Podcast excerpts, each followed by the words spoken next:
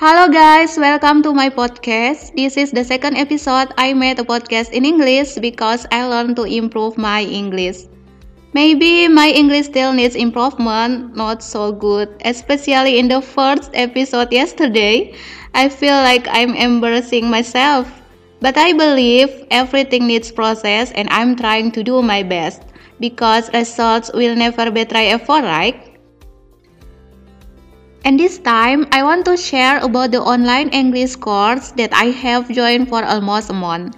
At first, I just want to try it when I found out that the course fees were very cheap. Really, I didn't have any capital. And it turns out the way to learn is very cool. The course is three times a week, in which each meeting is an hour and a half. I have a tutor, her name is Miss Luluk. I remember at the start of the course, I was invited to introduce myself about name, address, age, hobbies, work, and planning in the future. And at that time, I answered that my hobbies are writing and planning in the future. I want to become a bestseller author. Always. It turned out that Miss Luluk also liked writing. So finally we share experience about our reason why we write. Even finally, we made a short story ebook project about friendship, love, dream, career, and commitment. Really, I'm very excited about that. So, in this podcast, I will share a story about writing with Miss Luluk. Hello, Miss, how are you? Hello, I'm pretty well. How are you? I'm fine, thank you. Can you introduce yourself first so people can know about you well? So, for the first time, I would like to say to you, thank you so much for this opportunity and let me introduce myself to you guys. Hello, my name is Lulu Yulianti. I come from Blitar, East Java. I'm 22 years old. My hobbies are listening to the music and writing. Now I'm studying at State Islamic Institute of Tulungagung, East Java and currently I'm in the sixth semester for English Education Department. Nice to know you guys. Okay, Miss, as we discussed at the time, what is the reason why we like writing?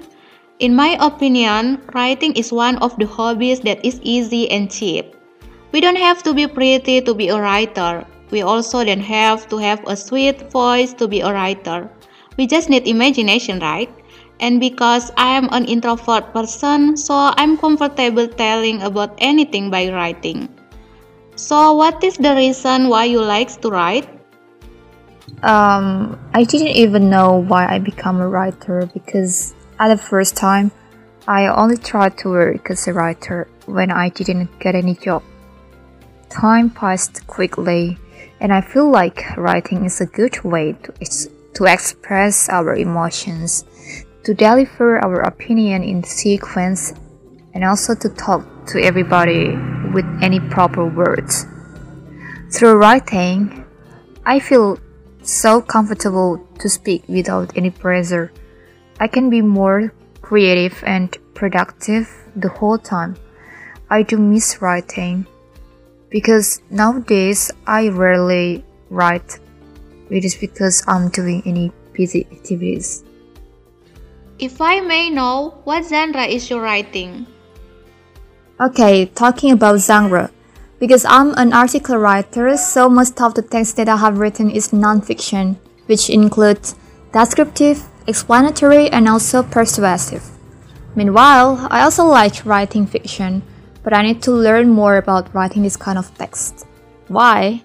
Because I don't have any good casual words for writing fiction. I feel like I'm lack of casual vocabularies for writing this fiction. Besides, I'm also excited to write the script of drama when I got the assignment from my lecturer to make a drama. Wow, that is cool. I remember in the past, I also write a script for a short movie that I adapted from my novel.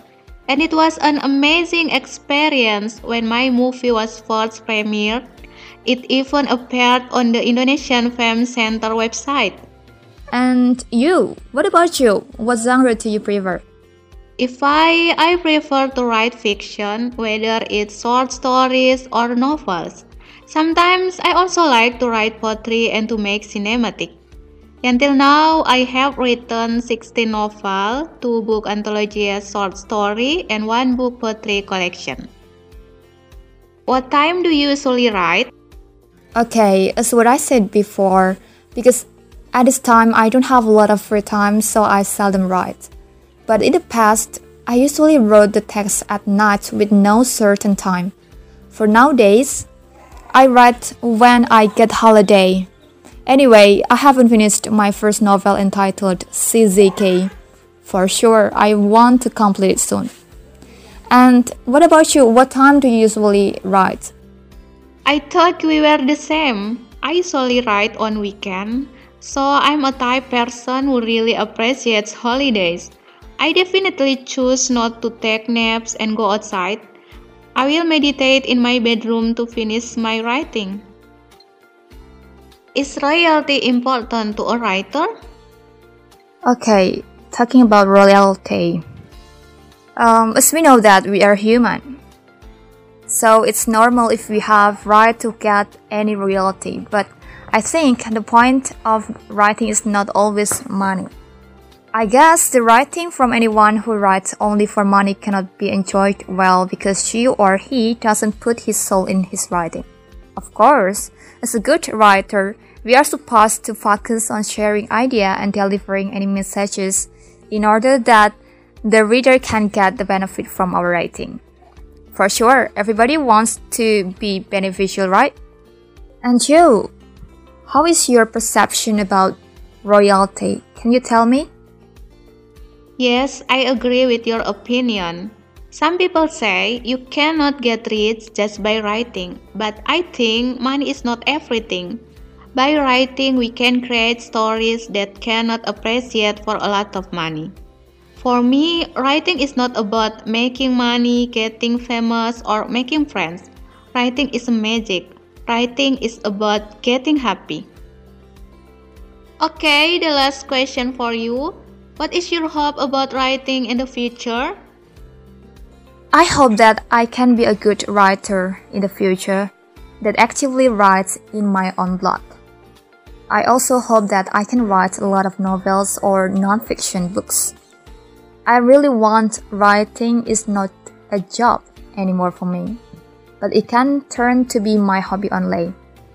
Therefore, I can focus on teaching for my primary work while enjoying my hobby as a writer. You know, writing for working and writing for hobby stimulates different feelings, right? Okay, anyway, it may be the last words that I can say to you. Thank you for inviting me to your podcast. I hope we can be successful people through writing.